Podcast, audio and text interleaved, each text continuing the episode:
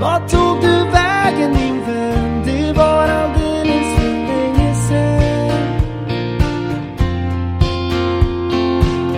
Vart tog du vägen min vän? Det var alldeles för länge sen. Vart tog du vägen min vän?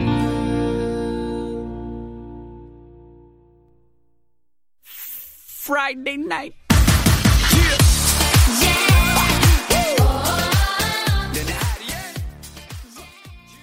Morgon, god middag eller god kväll och varmt välkomna till avsnitt 18 av Vart tog du vägen-podden.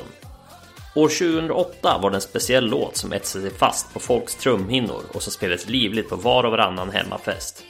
Jag pratar förstås om sommarplågan Fest hos mig. Bandet bakom den braksuccén var Kick och min gäst idag är Linda Rangfeldt som tillsammans med Lena Renhult utgjorde duon. Varför tycker Linda att det var ett fjortisband? Hur kom det sig att hon sa nej till att spela in låten på nytt i Justin Biebers studio? Och såklart, var tog egentligen Kick vägen? Det och mycket, mycket mer blir det nu!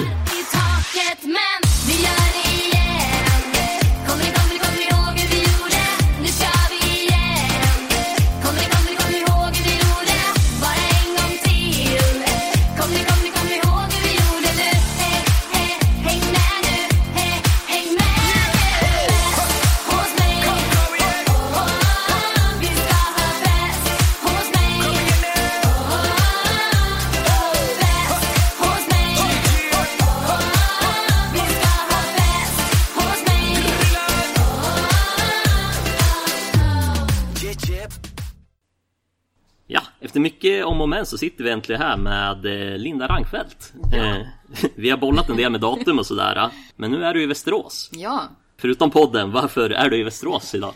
jag är här för att hälsa på en barndomskompis som jag har växt upp med. Eh, och nu bor hon här sedan många år tillbaka och ja, jag är här och hälsar på liksom. Ja, härligt! Ja. Strålande att det gick att bolla in det här också då, samtidigt.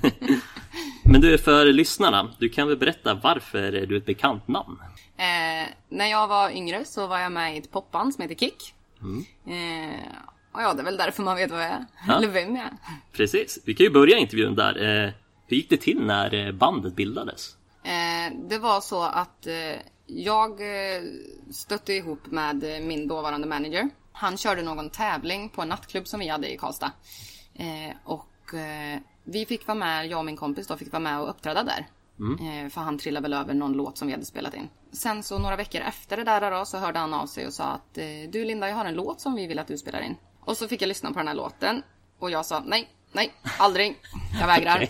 Jag vill inte spela in den här låten. Eh, och då hörde han av sig till min kompis istället, för han visste att hon är lite mer över, eller liksom lättövertalad. Mm. Så han pratade med henne och sa att övertalar du Linda så får du vara med. Så då ringde hon mig och sa du kan vi inte spela in den här låten?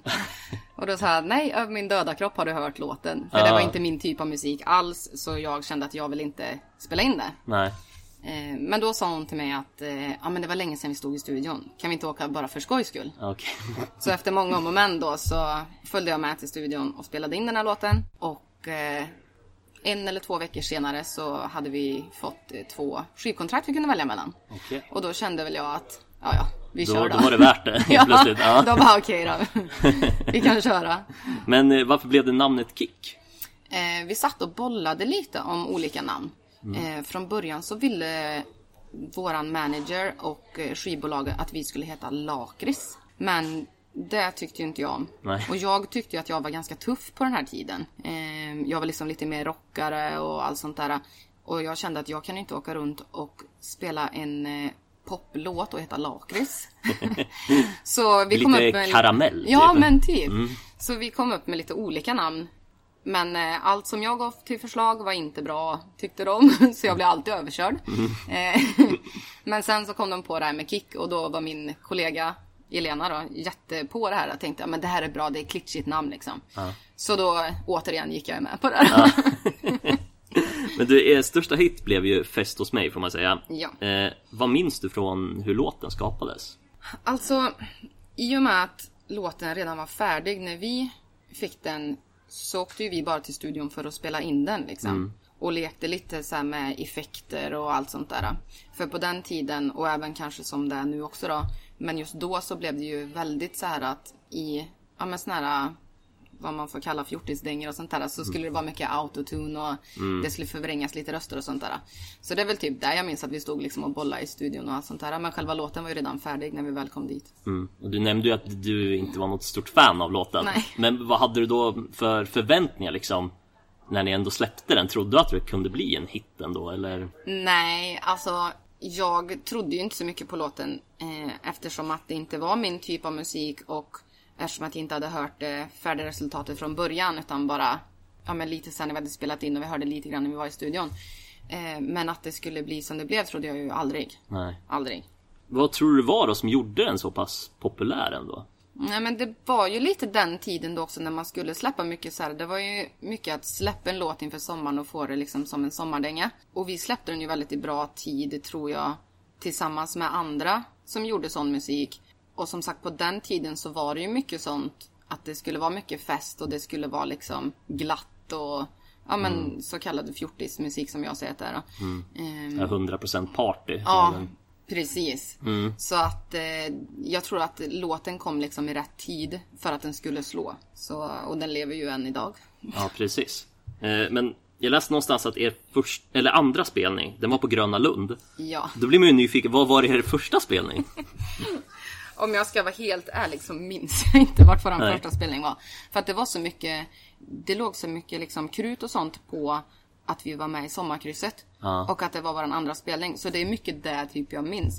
Jag vet att vi spelade på något litet ställe vår första spelning. För att känna av liksom.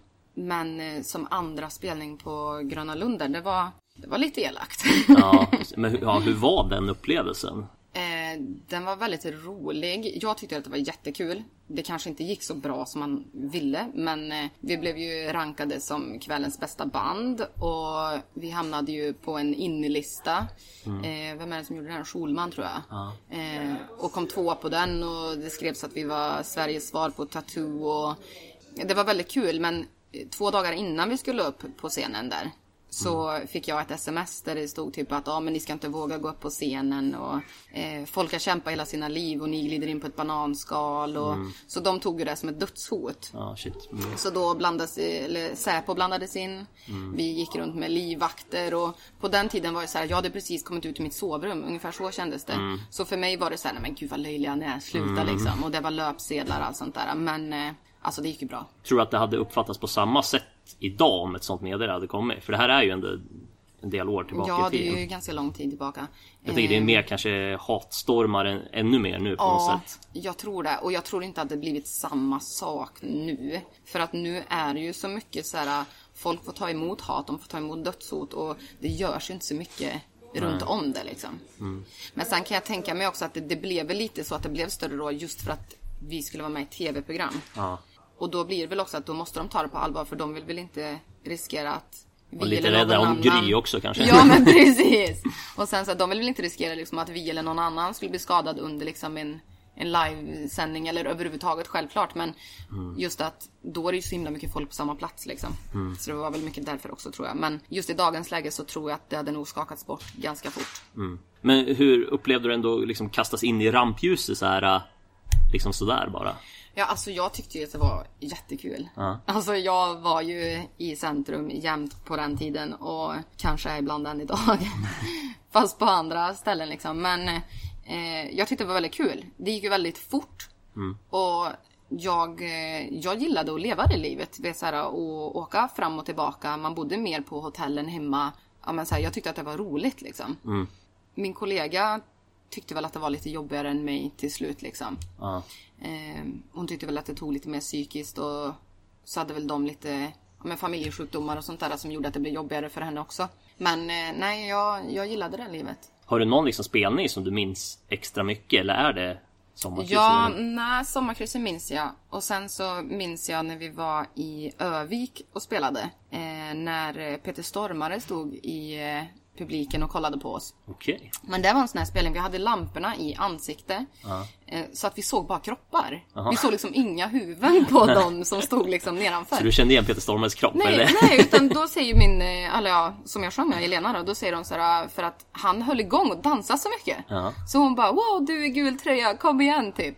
Och när vi kliver av scenen så ser vi att det är Peter Stormare så hon skämdes ju i hjärnet. Och jag bara woho, nu kommer jag liksom. Nej men jag tyckte det var jättekul. Ja, det är ju riktigt kul att bära med sig det. Ja, det var jätte, jättekul verkligen. Sen så har jag ju tyckt om Karlskoga, var fruktansvärt roligt. Mm. Och Örebro var väldigt roligt. För publiken där var så himla med liksom. Ja, ja. Så ja, det var jättekul. Mm. Var det Strumpis eller vad spelade Ja, ni? Ja, det var precis. Kla- klassisk klubb. Men eh, är musik kan man ju ändå klassa som partymusik. Mm. Eh, hur mycket alkohol och så där var det på era spelningar? Alltså det, Jag tänker både för er men även publiken. det var mycket alkohol men aldrig så att man uppfattade det som ett problem. Alltså det har liksom, jag har aldrig varit på en spelning där det har blivit slagsmål. Alltså enda gången som jag kände att det var riktigt kaos på en spelning, det var ju när vi var på DreamHack men där var ju alla nyktra. Ja, ja. Och där liksom stormade de våra monter och de skulle komma och ta kort och autografer och sånt. Så, där var det ju kaos. Där fick vi liksom, alltså vakter kom ju och slängde ut oss och bara de måste ut härifrån liksom. Vi måste lugna, alltså, ja grabbarna, tjejerna, bla bla. Men eh, då fanns det inte ens någon alkohol med. Nej. Men sen så det har ju varit, eller varit mycket så alkohol och sånt under tiden. Men aldrig så att jag känt att det gått överstyr. Nej.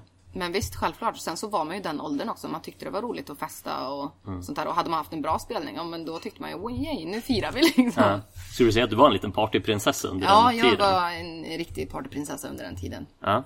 Eh, jag tänkte nämligen att vi skulle sätta dina kunskaper nu inom eh, Då. partykuns- ja, partykunskaper här med ett litet drinktest. Oh, som jag är sämst på. Ja, är det så? Ja. Vi får se hur det går. Jag tänkte att jag säger ingredienserna och så får du gissa vilken drink det är.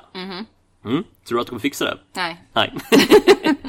ja, vi testar det i alla fall. Ja. Eh, drink nummer ett då. Då är det vodka, persikolikör, tranbärsjuice och apelsinjuice. Men gud. Nej men gud, jag har ingen aning. Nej, klurigt. Ska jag säga vilken det är? Har man någonting annat i liksom? Någon så här Ja, det kan grönsak vara, eller ja, det kan där? vara lite, jag tror det är apelsinklyfta så här som man... Ja, nej. Sex on the beach var det. Va? Jag älskade ju därför. Alltså, Ja, jag har ju uppenbarligen då inte gjort någonting med mig själv märker jag ju nu. nej, det bara Men- blivit bjuden på den. Ja, det var liksom det enda jag drack ett tag. Jaha, Ja, okej. nej men den är god. Ja, härligt. Då tar vi nummer två. Mm. Eh, gin, citronjuice, socker och sodavatten. Gin, citronjuice, socker och sodavatten. Det är Nej, ett sockerlag. nej men gud, jag är ju så himla dålig på det. Det är kul, jag dricker bara men jag har ingen aning om vad det är jag dricker märker jag nu. Eh, nej, jag vet inte. En skinny bitch kanske. Nej, det, här Nej, det är nog bara vodka och sodavatten där. det kan nog stämma. Ja. Det här var en Tom Collins. ja, nej gud, ingen aning om ens vad det är. Nej, det kanske var för svårt då. Den här då, den här kanske du känner igen ändå.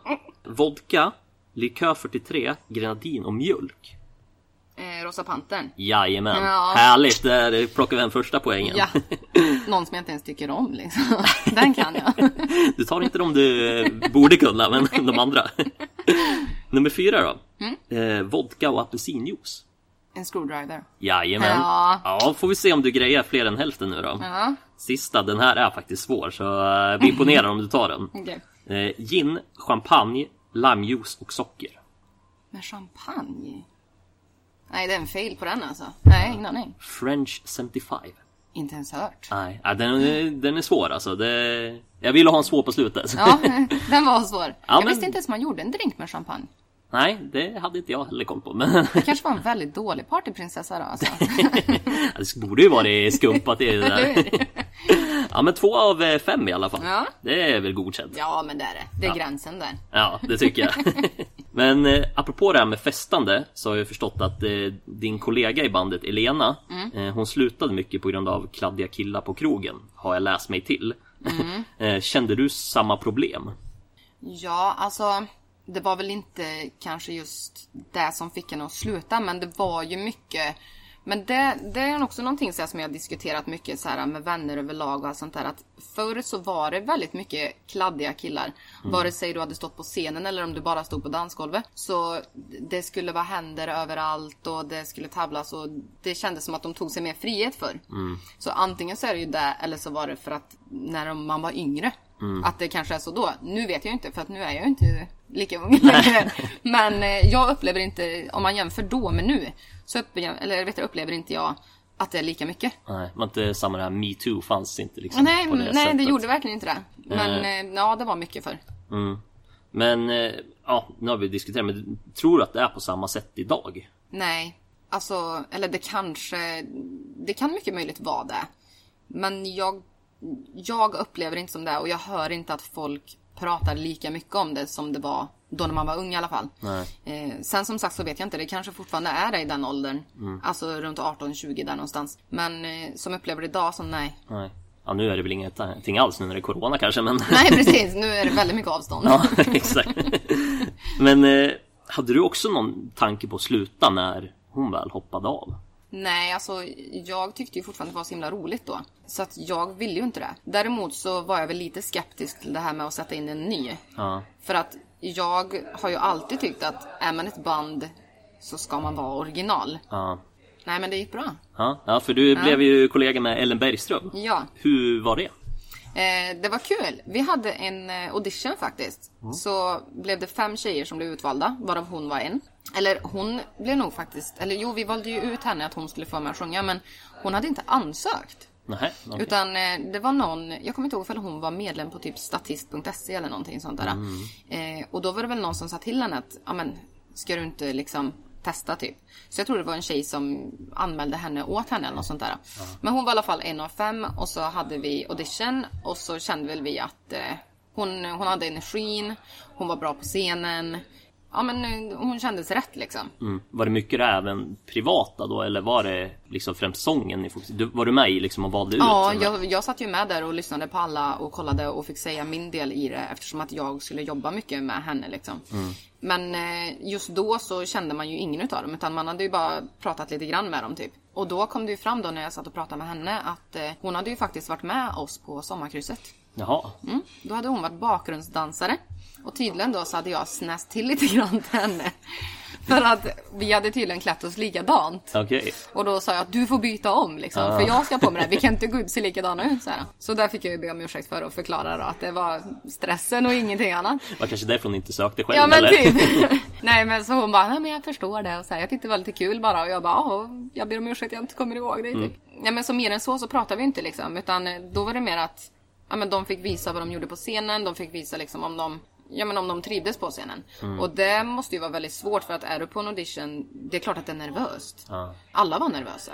Ellen verkade också lite nervös liksom. Sjöng någon rad fel och sånt och det gör liksom inte så mycket. Men bara de visar, ja men dels att de kan sjunga. Men också att de vill det.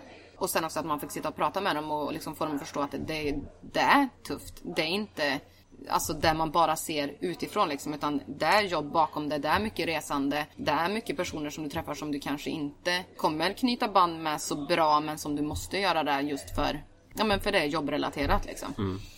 Ville du även att bandet liksom skulle ta någon ny riktning när det blev en ny radarpartner? Eller ville du liksom att det skulle låta likadant ungefär? Mm, Alltså, just då så tänkte jag nog inte så mycket på det. Jag ville ju alltid att det skulle vara annorlunda än vad det var. Eftersom att det inte var min typ av musik. Men ehm, när hon kom in, det var väl mest liksom att försöka hitta någonting som passade henne och mig tillsammans. Så att det skulle bli så bra som möjligt. För ja, som sagt, jag gillade ju inte själva idén att byta ut medlem. Men med henne så blev det ju väldigt bra. Ge mig, ge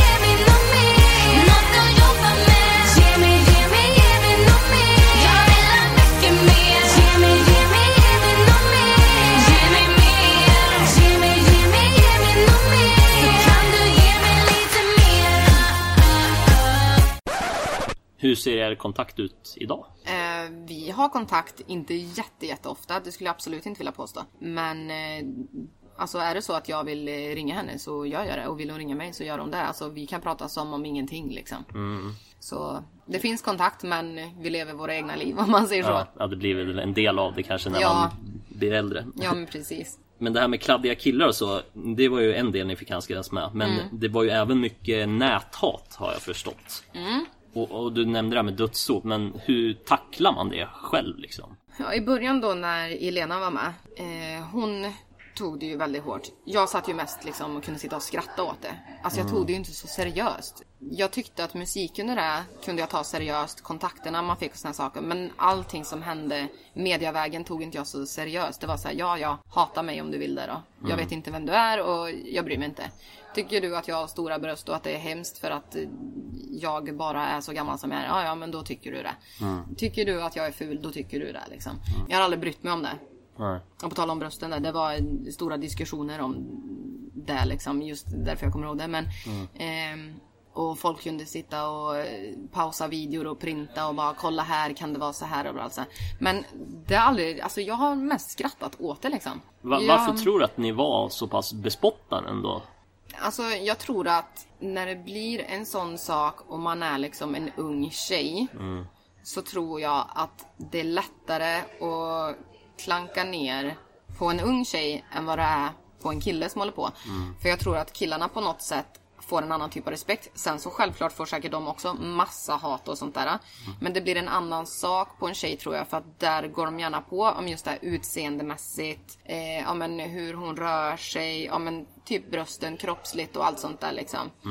Så jag tror att det blir mer på en tjej för att det är mer utpekat i ja, men media och allting just om tjejers kroppar och tjejer, hur de ska vara, hur vi inte ska vara och sånt där. Hur eh, reagerade dina föräldrar på all den här uppmärksamheten och det här hatet som kunde vara? Eh, Alltså min mamma var ju mitt största fan. Eh, och hon, eh, hon var väl lite grann som mig. Såg hon att jag mådde bra så brydde inte hon heller om sig eller om det liksom. Hon kunde väl sitta och bli lite irriterad över vissa saker som skrevs på ja, men Youtube och sånt där. Men så länge hon såg att jag mådde bra så rörde väl inte henne i ryggen så också. Hon såg ju alltid till så att jag var okej med allting. Ja, men att jag verkligen ville göra det jag gjorde liksom. Så jag har bara fått stöttning. Har du alltid haft liksom det här eh, skinn på näsan eller vad man ska säga? Ja, det skulle jag vilja påstå att jag har. Ända sedan jag var liten. Det var... Det, det började tidigt för mig. Att jag var väldigt så här... Ja men bestämd och... Ja men så här, behandlar du mig bra så behandlar jag dig bra och... Alltså redan från barnsben liksom. Så det har jag väl alltid haft med mig och jag väl alltid liksom haft lätt att skaka av mig saker. Det är väl typ nu när jag blivit äldre som jag har lite, lite svårare att skaka av mig saker. Att vissa saker sätter sig lite så här. Men eh, då har det ju inte med det livet att göra längre. Nej. Jag tror att hade det haft med det livet att göra så tror jag att jag hade nog varit likadan. För att det som, det som skrivs på liksom en dator eller en skärm, det rör mig inte så mycket för att vill du säga någonting till mig så, så är jag här. Det är bara att du kommer att se det med ögonen liksom, om du menar allvar. Liksom. Så det som skrivs, det, alltså nej, det rör mig inte så mycket. Eh, sammanfattningsvis med det här med Kick. Är du nöjd och stolt över din musikkarriär? Ja, alltså vi diskuterade det på jobbet lite grann häromdagen så här, för att tjejerna på jobbet, de är lite yngre, de tycker att det är jättekul att jag har gjort det här. Alltså de satte på min låt, vi lyssnade på den häromdagen när vi stod och packade upp varor på mitt jobb. Och det är lite så här, jag är inte så här jättefan av att lyssna på min egen låt liksom. Eller mina egna låtar. Eh, men sen så om någon frågar mig, jag har ju haft brutalt roligt i det här. Så jag hade absolut inte velat gjort någonting annorlunda. Nej. Så på den biten så ja, då, då är jag väl stolt liksom. Ja. Men- ja, då har du faktiskt svarat på min nästa fråga. För det var, är det något du ångrar? Men då är Ja, det... nej, nej, jag ångrar faktiskt ingenting så. Det gör jag inte. Kanske att man inte fortsatte med det efter att jag fick barn. Men jag kände väl lite då att tiden fanns liksom inte till. nej. Vi har varit inne mycket på det här med Kick nu. Men eh, när kom intresset för att sjunga? Eh, det fanns nog väldigt, väldigt länge men man trodde nog inte att man skulle jobba med det Nej. på det sättet. Men eh, alltså jag sjöng mycket när jag var mindre och så. Och fanns det typ tävlingar när jag var liten där vet man bara det att man kunde mima. Ja men då var jag där liksom. Aha. Var det någon eh, tävling där man kunde sjunga, om det så bara var i skolan eller på disco, då var jag där. jag, så här, jag skulle vara med överallt. Hur, hur var du i skolan? Eh, jag var väl, eh, vad jag själv tycker då, så var jag väl ganska, alltså jag var väldigt snäll men jag var väldigt bestämd. Tyckte jag inte om någonting så sa jag det. Och tyckte jag om något så sa jag det. Eh, folk har frågat mig typ så här med mobbning och sånt där. Och jag har aldrig mobbat någon. Och jag tycker inte själv att jag blivit mobbad men det kvittar för mig om du är en mobbare eller om du är mobbad. Behandla mig rätt så behandlar jag dig rätt liksom. Jag har liksom inte gjort skillnad person på person som det kanske var mycket när man var mindre. Men eh, nej men jag var väl framåt, glad och mm, levde livet. Ja. Om eh, dina vänner skulle beskriva det då? Mm. Tror du de hade sagt samma sak? Jag vet ju att många av mina barndomsvänner tycker att jag har varit så här, ja men galen, rolig, extremt bestämd. Har vetat vad jag vill eller velat liksom och eh, sagt ifrån om jag inte vill någonting och allt sånt där liksom. Kanske tyckte att jag haft lite dåligt humör typ så vet sen när man är hungrig så här för då då är jag arg. Men eh, sen så eh, vet jag med mig att eh, vissa andra typ barndomsvänner så här, som man kom ifrån typ. När man kanske gick över från lågstadiet till högstadiet typ, eller mellanstadiet till högstadiet. Eh, att de tyckte att eh, de upplevde mig lite bitchig liksom. Så jag har nog varit lite bitchig också. Men jag tycker att jag har gjort det med liksom en charmig Ja. kling på det hela. Men alla kanske inte tycker det. eh, men jag tror att de flesta skulle säga att jag har varit ja, men glad och rolig liksom. Har du haft någon så klassisk fas, typ så här som många Nirvana eller någon Ja, sån ja, ja. del? Ja, ja. Vad, vilka faser har du haft? Det gick ju till att man eh, var lite tuff på mellanstadiet. Till att gå upp till högstadiet och bli fjortis direkt över en dag liksom. Det var liksom direkt på, det var rosa kläder och det var savannbyxor som var liksom the shit då. Eh, och det var Idomin salva på läpparna, inte mina dock, men mina kompisar. Eh, jag körde läppglans. Eh, till att från sommarlovet från sjuan till åttan bli svartrockare. Ja. Och bara nu körde vi på det i två år liksom. Två, tre år där. Då var det bara svarta kläder, det var svart hår, det var trasiga strumpbyxor, det var kängor. Det var, då var det liksom Marilyn Manson, Nirvana, eh, även Mötley Crüe och typ sådana saker liksom. Har du verkligen gått igenom hela Ja. musikspektrat? Sen blev jag ju lite hiphopare där i gymnasiet i början. Okej. Tyckte jag själv. Ja. Inte alls när man ser tillbaka på det, men då tyckte jag att jag var liksom lite tuff sådär liksom. Och det var kepsar och allt sånt där. Ja. Så jag, jag har väl testat på lite. Ja.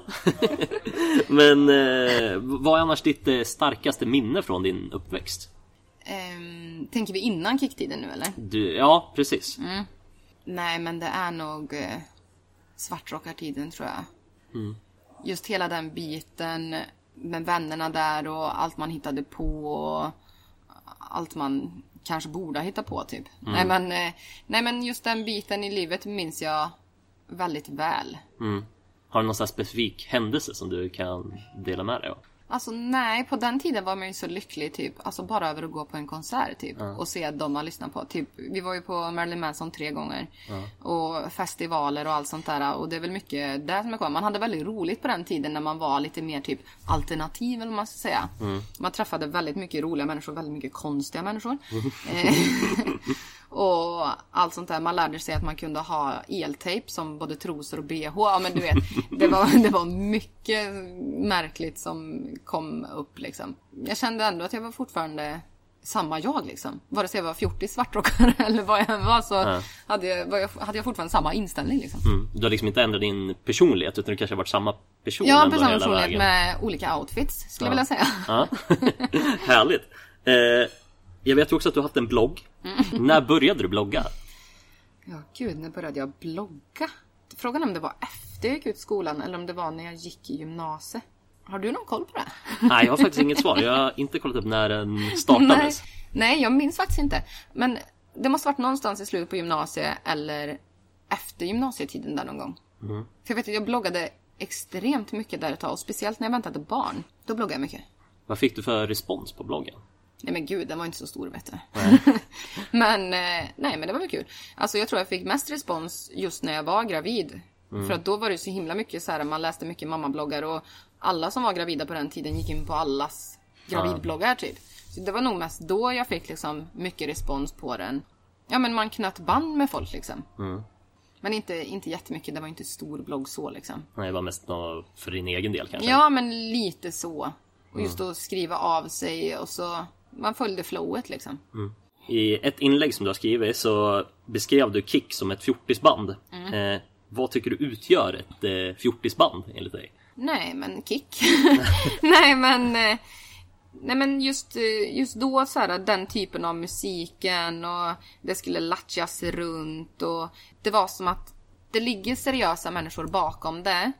Men när man typ tänker på video och allt sånt där, det är mycket fest och sånt där. Och det är ju mycket sånt men det känns inte så seriöst utåt. Även fast det är seriöst liksom i grund och botten från de personerna som jobbar med det och allt sånt där. Men just utåt sett så tycker jag att det, jag vet inte, den typen av musik, jag, jag tycker att det är fjortis liksom. Mm. Har du lyssnat på mycket sånt själv? Liksom, du, skrev, eller du sa ju ändå att det liksom inte var din stil. Men jag tänker Nej. om man måste göra det. Det är ju inte min stil, men med tanke på att jag har gjort den musiken och varit ute och spelat mycket med andra band och sånt som körde samma genre. Som i mina ögon inte alls har varit fjortisar. Men det blir ändå den typen av typ ungdomsmusik då, om man säger så. Eh, och då har det ju blivit att man har lyssnat på det just för att man har spelat med andra människor och man har liksom velat supporta dem och lyssna på deras musik liksom och man har lärt sig texterna för att vara med dem och såna grejer. Så att ja, det har väl blivit att man lyssnar lite. Varför slutade du blogga? Eh, jag slutade blogga för att jag tappade lusten till det tror jag. Jag tror att jag tappade det här att jag tyckte inte det var lika roligt att skriva. Så att det var nog det. Har du haft ett intresse för att skriva? Vad har du haft för andra intressen förutom musik om vi säger så? Alltså, jag eh, har ju varit väldigt så här, ett, som, ett stort intresse som jag haft det är ju cheerleading. Det gick jag i 12 år. Så jag la ner mycket tid på det. Men sen då så fick jag ju barn och då, då slutade jag med det också. Men det är väl det. Och sen så jag har tyckt om att skriva mycket så här. Eh, alltid, även när jag gick i skolan liksom, så gillade jag att skriva. Och det är ju tack vare mitt skrivande typ som jag fick bra betyg i svenska och såna grejer. För att de tyckte att jag var så bra på att, formulera mig och skriva saker. Så att det har väl också varit ett intresse typ. Jag vet min lärare sa till mig en gång att hon tyckte jag borde satsa på att bli författare. För hon tyckte jag la upp saker så bra när jag väl satt mig ner och skulle skriva någonting seriöst. Eller om jag skulle alltså, hitta på någonting oavsett vad liksom. Eh, Så det har väl också varit ett intresse men just ett intresse som också bara fått ligga kvar som ett intresse. Att man inte gjort någonting med det liksom. Har du skrivit egna låttexter också? Nej, jag gjorde lite där när jag var yngre men ingenting som har blivit använt liksom. Nej. Det är sånt där som jag har skrivit och haft för mig själv. Ja. Jag tror inte att jag, eh, absolut inte på den tiden i alla fall, hade så pass mycket, att jag tyckte jag hade så pass mycket kött på benen för att vilja lägga upp det på ett bord och säga, eller säga liksom, gör en låt utav det här. Eller jag har alltid varit ganska, alltså självkritisk när jag ska göra saker. Att om jag skriver en låt, eller en låttext då, tycker inte jag att den är hundraprocentig, då är det ingen annan som ser den än jag heller liksom. Okej. Så du, du kan inte dela med dig av någon Nej, line från din första då, låt? då delar jag inte med. Nej. eh, men sen kom du, du lämnade ju Kik. Mm. Eh, vet du vilket år det var? Eh, jag lämnade, eller lämna och lämna, men det lades väl på is i slutet av 2010. För då blev jag ju med barn. Men sen så körde vi ju jämt någon spelning efter jag hade fått barn. Så det måste ha varit i slutet på 2011 det. Och det har jag för mig är den sista spelningen jag gjorde. För efter det så är det nog många som undrar vad som hände. Så var tog du vägen? Eh, jag blev mamma och eh, efter min eh, mammaledighet så började jag jobba. Så det är typ det jag har gjort. Jag eh, har pratat lite så här om att ta upp musiken och sånt där men som sagt det är ganska tidskrävande. Och just där och då så kände jag väl att min dotter är ju och kommer alltid vara prio ett nu. Och det var där jag ville lägga mitt krut än att hålla på och åka fram och tillbaka. Jag tyckte att det räckte att jag förlorade tid med att jag hade två jobb ett tag där liksom. Så, ja. Vad vet din Det- dotter om din musikkarriär? Ja, för några år sedan så var ju hon också mitt största fan då och ville väldigt gärna lyssna på mammas musik. Och det blir lite konstigt när man ska åka i bilen och liksom sitta där och hoppa till sin egen musik när man åker förbi människor på gatan. Leva ner rutan liksom. Ja, så att det, det blev ju mycket att hon fick lyssna med mormor i bilen då istället. Istället för eh, mamma. Ja. Nej men så hon har ju tyckt det varit jättekul också sådär. Men det är ingenting så här som hon är nu liksom. Det var väl lite då så här när hon kanske gick på dagis och bara men min mamma finns på Youtube typ. Och där kanske, alltså där kan hon väl säga till sina klasskompisar än idag. Men det är inte så att hon är så hypad över det längre. Nej, nej, nej okej. Men hon är ju lite tuff nu också, så här nio och frän är hon. Mm. Ja, det kommer nya Hon är, väl, att ja, lyssna hon, på. hon är ju lite för cool då för att lyssna på mamma tror jag. Så att, eh, ja. Kanske är det dags att släppa något nytt, Ja, eh, lite precis. coolare. Ja. Men eh, vad eh, gör du idag? För vad jobbar du med till exempel? Eh, jag jobbar på H&M och eh, säljer kläder. Och heminredning och sånt där. Så det är väl typ det jag gör. Jag, Trivs du med ditt jobb? Ja, men det gör jag. Det gör jag jättemycket. Jag har varit där i åtta och ett halvt år ungefär. Och eh, det är klart att det går upp och ner. Vissa dagar känner man bara jag vill aldrig mer gå tillbaka. Jag vill aldrig mer se ett klädesplagg och allt sånt där. Jag brukar säga det för jag brukar vara ganska duktig på att slänga kläder runt om mig hemma. Okej. Jag brukar säga att jag tar inte med mig jobbet hem. Det är därför jag inte viker mycket kläder och sånt hemma och städar undan och sånt där grejer, liksom. För man ska skilja på privat och arbetsliv. Mm, ja, precis. Så nej, men jag, jag trivs jättebra, det gör jag. Men drömmen är väl kanske att starta något eget någon gång liksom. Jag gillar mycket så inredning och sånt där. Så det hade varit kul att jobba med det tror jag. Har du alltid haft också ett så modeintresse? Det låter ju ändå så som, eh, eftersom du har haft olika typer av stilar. Ja, men precis. Jag gillar ju verkligen kläder. Fråga vem som helst i min omgivning och shopping och Linda, det är liksom, det är ett. Men eh, jo, det har väl funnits med så på det sättet. Men när jag var yngre så var det inte jättemycket det här att åh gud det är det här det ska vara just nu. Utan det var mer att okej men jag bryr mig inte om det. Tycker jag att det här är snyggt då, då tar jag det. Och så är det väl lite grann fortfarande. Men nu när man jobbar med det så länge så då är det väl klart att man är såhär okej men det är det här som ska vara nu liksom. Men jag är ju ändå mer jag skulle väl inte säga att jag är jättemycket street-stil längre. Men jag har väl landat någonstans emellan där. Att jag, jag är inte där vi har längst fram i butiken. Jag är inte den tjejen. Eh, utan jag är väl, om du går och plockar på fyra avdelningar så är jag den tjejen liksom. Eh, men det är kul, jättekul. Du nämnde det här med inredning då. Vad är det för typ av jobb du vill ha inom inredning? För det finns ju ändå lite olika. Ja, ja men precis. Eh, nej, alltså grejen är att jag tycker det är väldigt kul att inreda. Men jag tycker också det är kul att jobba typ som vi gör på jobbet nu då och sälja inredning. Så jag tror nog att jag skulle vilja ha antingen en butik eller kanske en nätbutik och sälja inredning. Men också kunna på den då, säga till en hemsida då, kunna ge inredningstips typ. Och Lite hur man på- skyltar och sådär eller? Ja, men lite så här, ja, eller liksom lite så här hur du ska tänka när du inreder ett rum typ. Mycket sånt skulle jag vilja lära mig, men också nu spårar vi iväg som bara den här nu då. Men också kanske att göra egna möbler. Ja, okej. Det hade varit kul. Är du händig som person? Jag tycker det. Ja. Och många av mina, ja men så här, tidigare och även eh, killkompisar som jag har nu blir ju lite imponerade ibland över hur mycket jag faktiskt kan. Men sen så kanske vissa tycker att jag är helt eh, bortom flötet. Men eh, jag tycker att jag är väldigt händig liksom. Jag bör, det är sällan, jag är ju lite lat av mig så det är klart att jag vill ha hjälp. Men jag behöver ingen hjälp. Alltså inte, det är klart att ibland behöver jag hjälp men inte ofta. Är det någonting jag vill göra så, så gör jag det liksom. Men är du så här påhitt då? Är det att du kan fixa typ egna inredningsdetaljer och sådär? Eller är det mer... Ja, ja, är, är det någonting jag löser det. Ja. Jag löser det. Ja. Jag, jag kommer på en lösning, inga problem. Och säger någon åt mig att eh, nej, men det kommer inte gå. Då, då kan jag bli irriterad. Då, bara, då, då kliver du ut ur det här rummet och så löser jag det här själv. ja. Är du För att street I smart att mitt huvud så vet jag att det går. Men eh, eh, jag tänkte på det här med rampljuset. Mm. Eh, gillar du att inte vara i det längre? Jo, skönt? det gör jag. Alltså, jag gillar rampljuset. Jag gillar att vara där. Bara att jag kanske inte söker så mycket efter det. Mer än typ, jag kanske, jag, jag är nog en väldigt så här, uppmärksamhetstjej egentligen. Och jag gillar uppmärksamheten, men kanske mer i det privata livet nu. Att jag gillar att få uppmärksamhet där liksom. Eh, men självklart, jag gillar att få uppmärksamhet på jobbet. Jag gillar att höra att jag är duktig och allt sånt där. Och jag tror att det är viktigt att folk får höra att de är duktiga och sånt. För att kunna hålla glöden uppe, liksom för att driva sig framåt. Men också få bra kritik om Ja men så här att det här kan du jobba med på för att bli bättre liksom. För vi alla kan ju alltid växa. Ja. Men är det någonting du saknar från eh, musiklivet? Ja, jag saknar att stå i studion och jag saknar att stå på scenen. Ja. Jätte, jätteroligt är det att jobba i studio. Och det kan vara tuffa dagar där också men i slutet av dagen så har det alltid varit roligt liksom. Även om du har stått och skreket med kollegor och man har bråkat och den ska lägga den linen och allt sånt där. Men du har alltid haft kul när du kommer därifrån.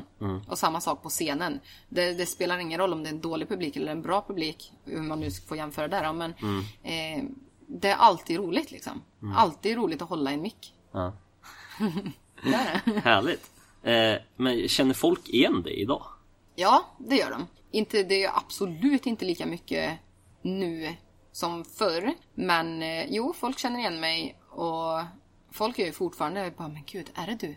Är, det, är det du i Kick? Ja. Du är ljushårig nu, men är det du? Va, ja, det är jag. Så jo, men folk känner igen mig, det gör de ju.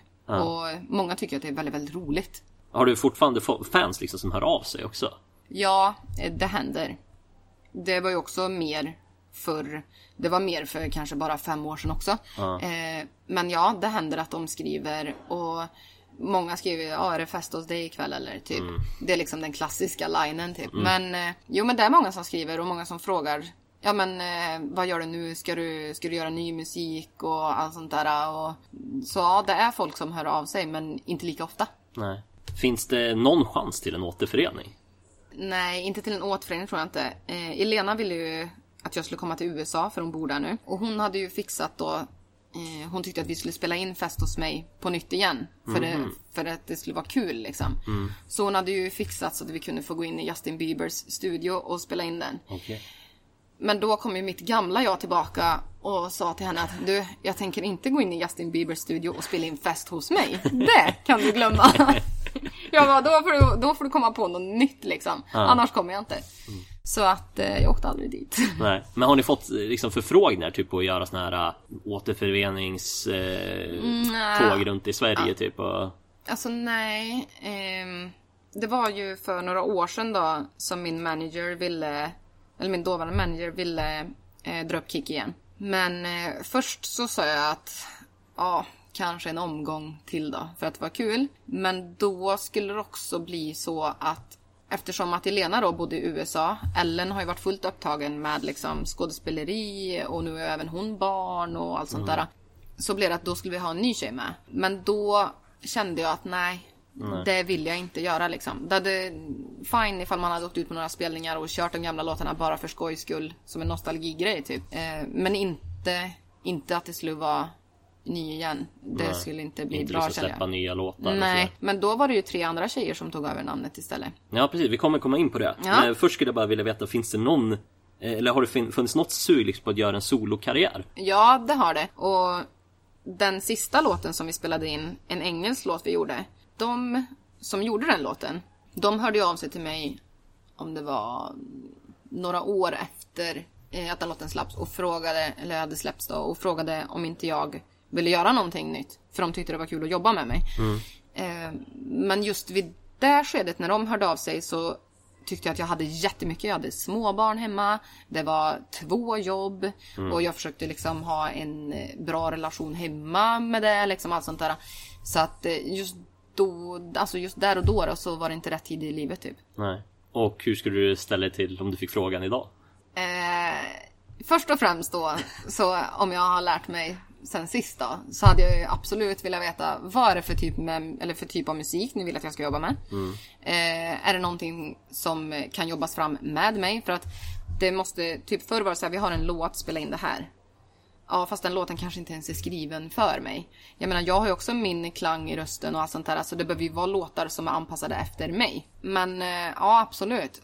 Om någon hade kommit upp med en bra idé och hade haft liksom, ja men bra saker i ryggen så, ja kanske. Hade du velat eh, sjunga på engelska eller svenska då? Engelska, tror jag.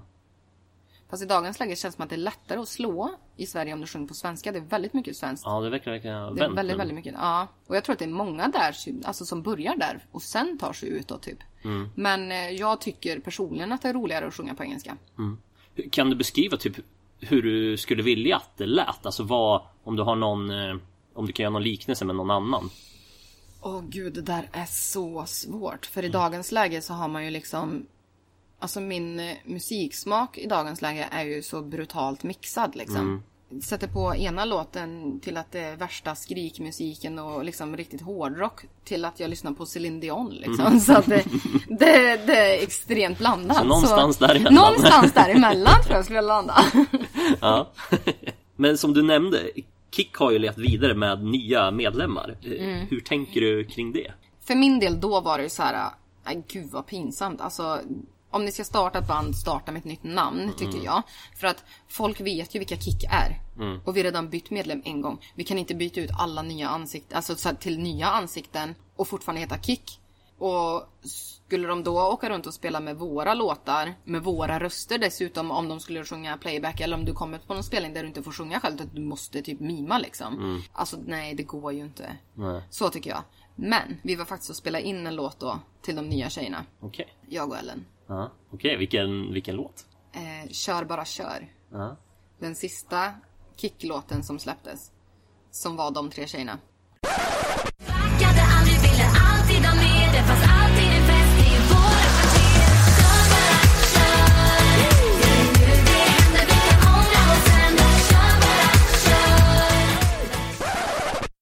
In. ja. Där ser man. Mm. Men vad... Kommer samtalen imorgon. Precis. Men vad, vad tycker du om de tjejerna? Alltså de tjejerna var jättegulliga. Verkligen. Men de borde ha fått en bättre förutsättning än att ta över någon annans namn. Alltså det var som jag sa, vi kan ju inte gå in och bara Nej men det är vi som är nya ABBA. Mm. Nej, precis. Det var ju en väldigt hård 80s. jämförelse. väldigt hård jämförelse.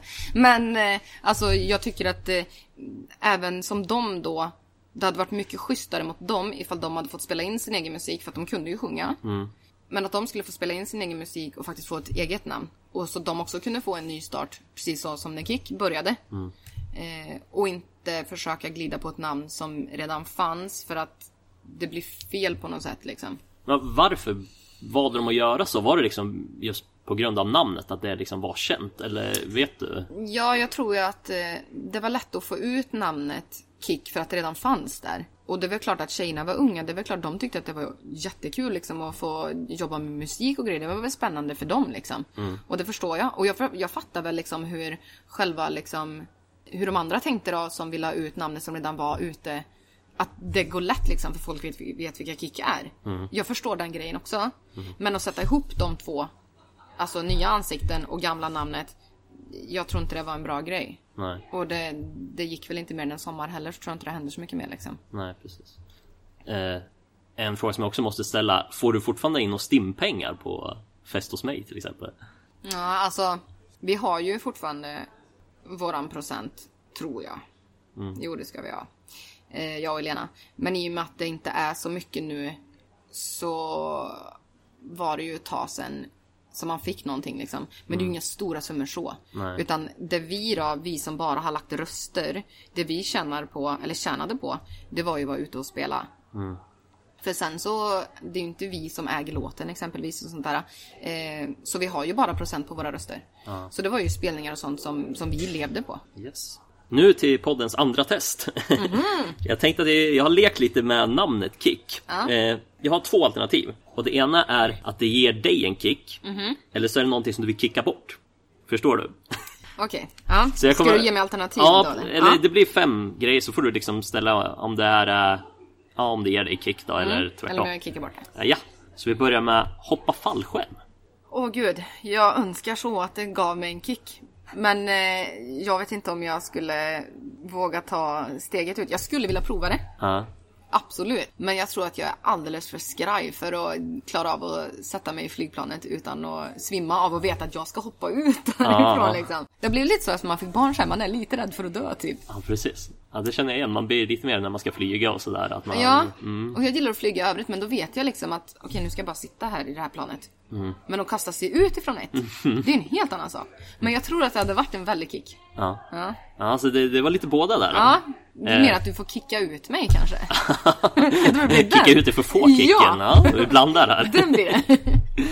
Nummer två då. Att gå på blind date. Åh nej, kicka bort. Ja, det kickas direkt bort. Åh gud, gud vad hemskt. Mm. Nej. Har nej. du varit på det någon gång? Nej. Nej, Nej. nej. nej, det, det sk- skulle jag absolut inte göra tror jag. Nej. Nej. Big no-no. Jag är alldeles för petig för sånt. Ja. Ja, Yes. Nummer tre då. Dyka i hajbur. ja det vill jag. Okej. Ja, gud. Jag är livrädd för hajar. Jag är livrädd för mörkt vatten och sånt. Men jag vill så gärna bada med delfiner och hajar. Ah, shit. Mm. Det är en stor dröm jag har. Okej. Häftigt ändå. Vi får se om det blir verklighet. Tror du att du behöver en kick ner i vattnet där också? Eller tror du du vågar ta dig ner? Nå, men jag behöver nog ingen kick ner i vattnet. Men jag får ge mig lite tid innan jag är nere i vattnet. Mm. Jag är också en väldigt badkruka så det kan ju vara för kylan där. Men eh, nej, men gud, det är någonting jag verkligen skulle göra. Ja. Mm. Yes. Eh, nummer fyra. Mingla på ett event där du inte känner någon. Helt själv eller? Ja. Eh, gud vad tråkigt. Aha. Men eh, ja, alltså det skulle jag kunna göra. Mm. Men jag skulle nog inte få en kick utav det. Nej, jag skulle mest bara gör det bästa av ja, situationen men, liksom. dra i mig en drink fort liksom och gå och vara trevlig mot någon och hoppas på att man är väldigt bra kompisar när man går därifrån. men nej, men det skulle, jag, det skulle jag kunna göra. Men det är väl kanske ingenting som jag skulle sikta efter. Nej, det är ingen adrenalinkick nej, där. precis. Okej, den sista då. Att ha fest hos mig. Hos dig då. Ja. Skulle det vara en kick? ja, men det är kul. Ja. Ja, det har hänt några gånger. Ja, men det tycker jag är kul. Ja, Ja. Snyggt! eh, jag tänker att vi avslutningsvis skulle prata om drömmar och lite om det förflutna. Mm. Hur såg dina drömmar ut som ung och har de förändrats genom åren? Ja, alltså om man går tillbaka till att jag var jätteung så har de förändrats väldigt mycket. När jag var ung då så ville jag ju ha ett rockband. Och jag skulle vara, jag skulle spela gitarr och nästan skulle jag spela trummor. Jag, jag har alltid velat kunna alla de här sakerna. Men jag har aldrig gjort det. Eh, och då var en av mina största drömmar att bli frisör typ. Okej. Ja. Så jag skulle ha rockband och vara frisör. Men det blev kick och sälja kläder. Ja. Men eh, sen när man blev lite alltså lite äldre så var det ju mycket så här att mitt drömjobb om jag inte skulle jobba med musik så var ju det att jag skulle, eller jag ville sälja kläder. Jag ville jobba med kläder. Så att det har man väl kommit upp till. Men nu har det ju blivit lite så här att jag tycker fortfarande om att göra det. Men det känns som att nu har jag nått det målet. Och nu skulle jag så småningom eller i framtiden då vilja starta eget och faktiskt designa egna, men kanske heminredningsprylar, möbler och sånt. Eh, och jobba med det. Ja, vad ser du dig själv om 20 år typ? Eh, ja, vad säger jag mig själv? Miljonär tror jag. det hade varit fint. Nej, men jag, eh, som sagt, jag skulle vilja jobba med, jag skulle vilja vara min egna chef. Ja. Och jobba liksom med sådana saker som jag vet, eller som jag vet får mig att må bra. Men inte blanda in hobby för mycket. För jag vill inte att hobby ska till slut kännas någon, som någonting jobbigt liksom. Men ja, jag är egen företagare då. Det här var ju lite om drömmar och så, men om vi skulle vända på det, vilket är din största verkliga mardröm som har inträffat dig? Vad är det värsta du varit med om? Alltså det finns säkert jättemycket och allt sånt där men just personligen så, så har det väl inte hänt så mycket. Alltså som jag skulle se så. Det är väl mer alltså typ tragiska saker som har hänt. Alltså så här, folk har gått bort eller man har gått igenom olika kriser i livet och typ sådana saker. Ehm, Har du haft någon riktig så här breakdown? Ja. ehm, jag mådde ju väldigt, väldigt dåligt för några år sedan. Eh, och jag fick, eh, som det känns som varenda Svensson har i dagens läge, typ ångest. Ehm, och efter det så blev jag lite skärrad, typ så här, för jag tycker inte att mitt minne är med mig lika mycket längre. Eh, så jag brukar säga att jag, jag blev dement som ung liksom, eller vad, vad man nu ska säga. Så, men, eh, men annars nej. Alltså det har väl hänt mycket alltså, hemska saker och sånt där. Man har förlorat människor och även liksom relationer till, eh, ja, till eh, min pappa då. Ehm, och allt sånt där. Men Får man fråga vad som utgjorde ångesten? Alltså var, var det någonting som liksom... Nej men det var nog mycket inslag ifrån livet typ. En relation avslutades. Eh, det har varit eh, då på den tiden mycket så här, bråk och sånt med min dotters pappa. Eh, som jag inte levde med då. då. Eh, eh, varit mycket krångel med min, med min pappa. Kompisar gick bort. Eh, det var drogproblem hos dem som gick bort liksom. Och man har väl alltid trott att man ska vara en sån här person som kan rädda alla liksom.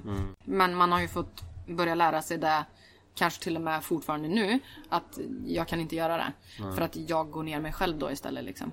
Yes. Så, nej det är väl mycket. Sen så hade vi ju, när jag bodde ihop med eh, min dotters pappa, eh, så hade vi ju en granne där som var väldigt på oss liksom. Eh, Han klagade om jag spelade musik mitt på dagen. Så att eh, han blev så irriterad på oss så att han började sms-trakassera mig. Eh, han eh, anmälde oss till socialen två gånger och påstod att vi slog vårt barn. att eh, hennes pappa var drogmissbrukare. Alltså han hittade på alla möjliga saker. Och så hade han gjort mot alla som bodde i den där gången liksom. Aha. Så de hade ju försökt få bort honom därifrån jättemycket. Så vi polisanmälde ju honom. Eh, och sen flyttade vi därifrån. För att det blev för mycket liksom. Okej. Jag tycker att vi ska försöka vända mot det positiva nu innan vi Ja. avslutar här. Men vad har då varit ditt ljusaste stund i livet? Eh, min dotter. Ja. Ja, det, det är ju helt sjukt. Alltså, jag, man visste inte riktigt vad kärlek var typ förrän, eller hur stark kärlek kunde vara tror jag. Förrän man fick barn. Det, ja helt klart henne. Det är det bästa någonsin. Yes. Om du inte skulle få välja familj då? Mm.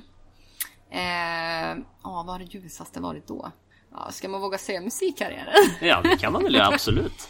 Det är väl någonting att vara stolt Ja, över. alltså, ja, det, det var en extremt rolig period i mitt liv. Ja, så musiken då. Ja, härligt. eh, ja, det här är lite samma fråga, men vad är du mest stolt över att ha uppnått då? Är det musiken då som... Jag tror att jag är mest stolt över att jag har hunnit med att göra ganska mycket. Inte bara musiken, men för att man tänker ju så här typ från när jag fyllde 30 så bara shit, jag var ju 20 nyss. Vad har jag ens gjort? Och så började Hade jag tänka... en kris då, eller? Nej, men, nej, men, nej, utan bara jag tänkte bara så här, gud vad har jag gjort liksom? Jag var ju 20 nyss liksom. Då började jag tänka så bara, ja men vänta nu. Jag har ju liksom, ja men tagit jättemycket medaljer i cheerleading. Jag har eh, jag har haft en musikkarriär. Jag har hunnit bli med mamma. Jag har hunnit fått det jobb jag vill ha. Eh, Jag har eh, jobbat arsla av mig på två jobb samtidigt. Ja men, eh, och jag har testat på mycket olika saker. Så att, Nej, jag är nog mest stolt över att jag faktiskt har hunnit med ganska mycket. Ja, vad fint. Du, eh, kul att avsluta med något glatt får man Ja, ändå säga. Eh, För det här var faktiskt alla mina frågor. Ja. Eh, Känner du att vi har fått en rättvis bild av dig nu? Ja, det får jag väl hoppas, annars får ni väl skriva och fråga. Ja, jag klipper om det här helt. Ja, eller hur? Bara vända om allt. Men slutligen då, eh, som har visat sig vara kanske den svåraste frågan. Är det någon som du undrar vart den har tagit vägen? Oj, oj, oj. Den var svår. Du är inte den första som tycker Nej, att det är den svåraste. Gud. Vem har tagit vägen vart? Alltså jag, jag har inte så jäkla koll så. Men jag undrar lite vad lillebror gör. Lillebror. I Karlsson på taket.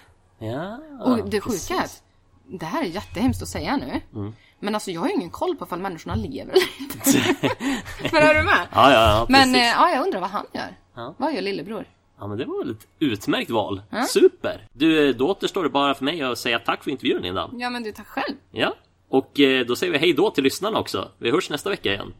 Hej då! Sådär då, där avslutades det 18 avsnittet och vi tackar såklart Linda Rangfeldt för att hon ville vara med i podden. Ett stort tack riktas även till Måns Brorsson som gjort introt och till er där ute som har lyssnat. I slutet av avsnittet så sa jag att vi hörs nästa vecka, men det kommer att bli en lite längre väntan och vi hörs istället om två veckor. Så håll utkik då och passa på att lyssna på något gammalt avsnitt så länge. Men tills dess så får ni ha det så bra och sköta om varandra. Det var allt för denna gång, så med det säger jag hej då!